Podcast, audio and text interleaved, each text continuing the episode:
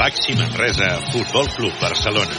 Amb el patrocini d'Equívoc Albert Disseny, la taverna del Pinxo, Expert Joanola Fotomaton, Control, Frankfurt Cal Xavi, GST Plus, Viatges Massaners i Clínica La Dental Doctora Marín. Hora 14. Catalunya Central. Eli Pagant.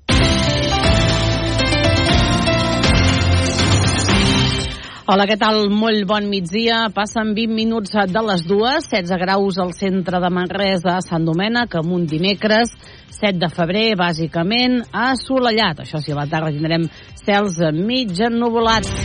I com els dèiem, aquestes temperatures suaus, amb aquests 16-17 graus de temperatura que hi ha avui en diferents punts hores d'ara de la Catalunya central, 16 a la capital del Bages.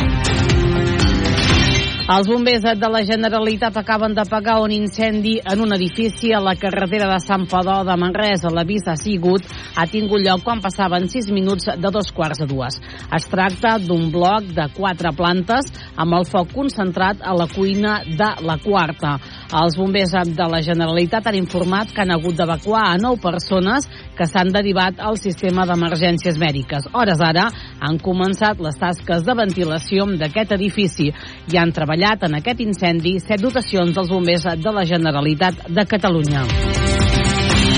I avui novament els hem de parlar d'aquestes mobilitzacions, d'aquestes mobilitzacions dels pagesos, aquesta concentració, aquests talls de carretera que s'han mantingut aquesta nit i que a partir de les 9 ha començat aquesta marxa lenta també dels tractors i pagesos de la Catalunya central cap a Barcelona. Hores d'ara estan entrant a la capital, estan entrant a Barcelona. Aquesta és la crònica d'aquesta jornada.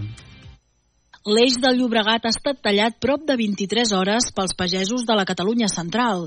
Després de passar la nit a la recta de Sallent, on s'hi han quedat una seixantena de tractors, amb la sortida del sol s'ha començat a activar la protesta, en vistes a posar-se en marxa per anar en marxa lenta cap a Barcelona. A poc a poc també anaven arribant altres tractors que havien anat a passar la nit a casa.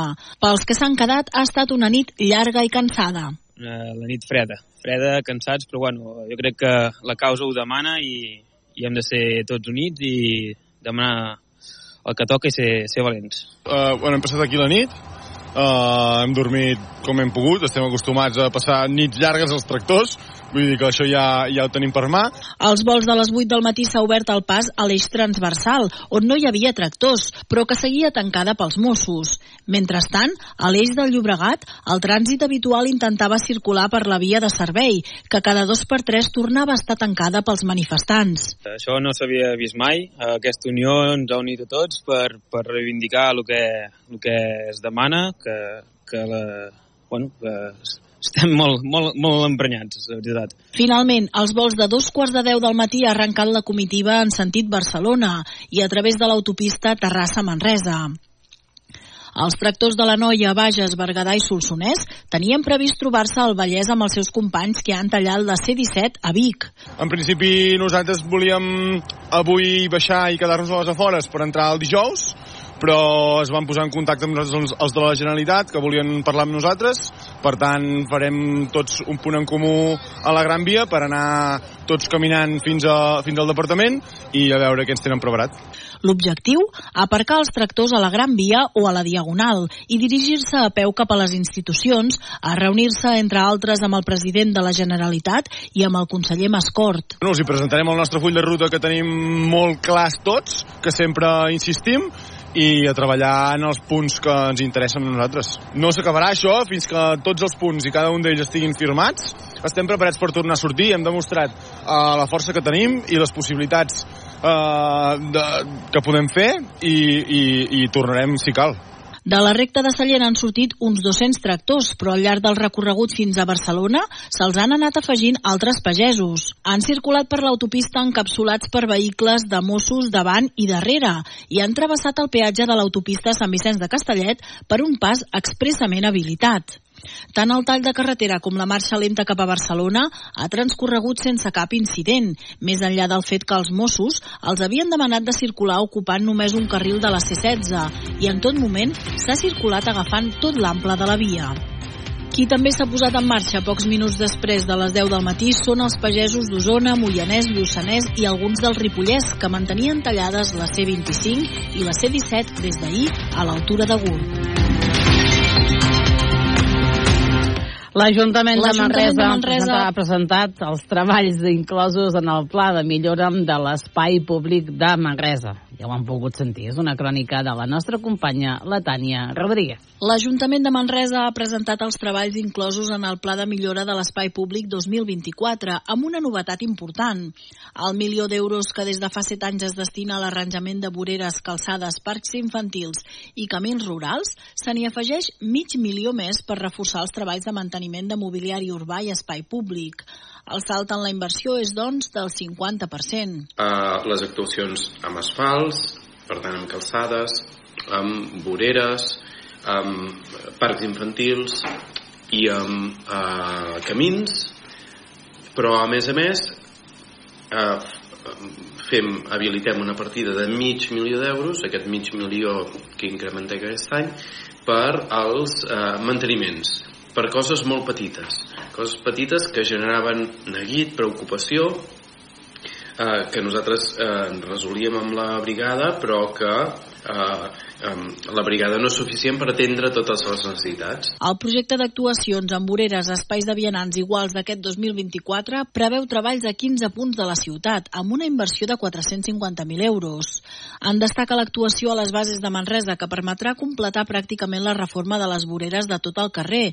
També la que es farà a la Font dels Capellans, a la plaça de la Pau, que permetrà completar amb rampes la totalitat del recorregut fins al carrer Fra Jacint Coma i Galí. I també la que es farà al carrer Pep Ventura, unes obres molt reclamades pel veïnat que permetran refer les voreres afectades per les arrels dels arbres. Es farà una primera actuació el 2024 i una altra el 2025. S'agafava tota la calçada i es reasfaltava tota. S'agafava la vorera i, i el que intentàvem era que complís normativa, és a dir, que fos una vorera eh, accessible i, i sostenible, sostenible intentant incorporar, incorporar arbrat perquè a l'estiu doncs, doncs no es tinguis tanta cosa, que sigui molt més agradable el seu pas. Ens anem ara a Montserrat i és que Montserrat renova per la celebració del mil·lenari que començarà aquest proper mes de setembre. Els visitants i peregrins que visitin aquests dies al monestir de Montserrat es trobaran alguns espais tancats i en obres. I és que l'abadia s'està renovant i posant al dia per celebrar a partir del proper mes de setembre el seu mil·lenari. Sortint de l'estació del Cremallera, un dels primers espais que es troba en obres és la cafeteria, hores d'ara totalment buida i que s'està renovant de dalt a baix.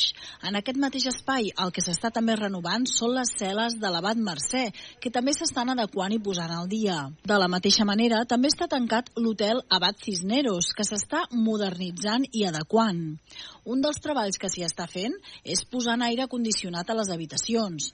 A totes aquestes obres se li ha de sumar les obres de restauració de les avançales i el cambril de la Verge de Montserrat i que estaran enllestides abans de Setmana Santa. Fons del monestir de Montserrat han explicat que aquestes setmanes d'hivern és la millor època per fer treballs de renovació abans de l'arribada de la Setmana Santa i la celebració a l'abril de la Mare de Déu de Montserrat. Uns treballs que han d'estar a punt el dia 8 de setembre, que és la data en què començarà la celebració del mil·lenari de Montserrat, un esdeveniment que ja té logo.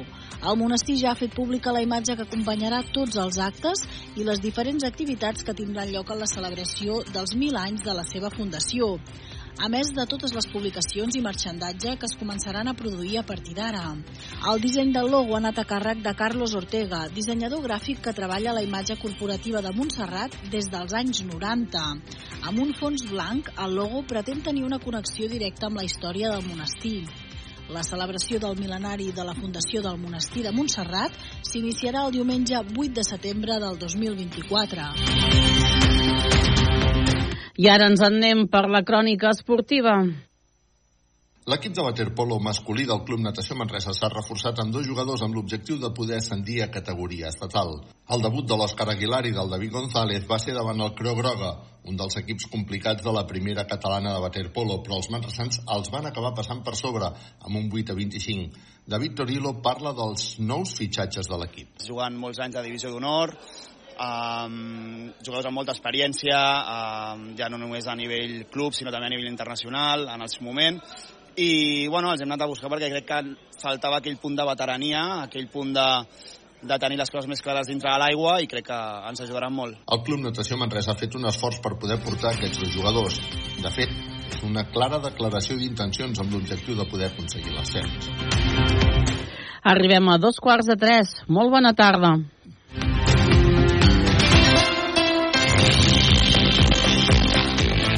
14. Hora 14. El láser.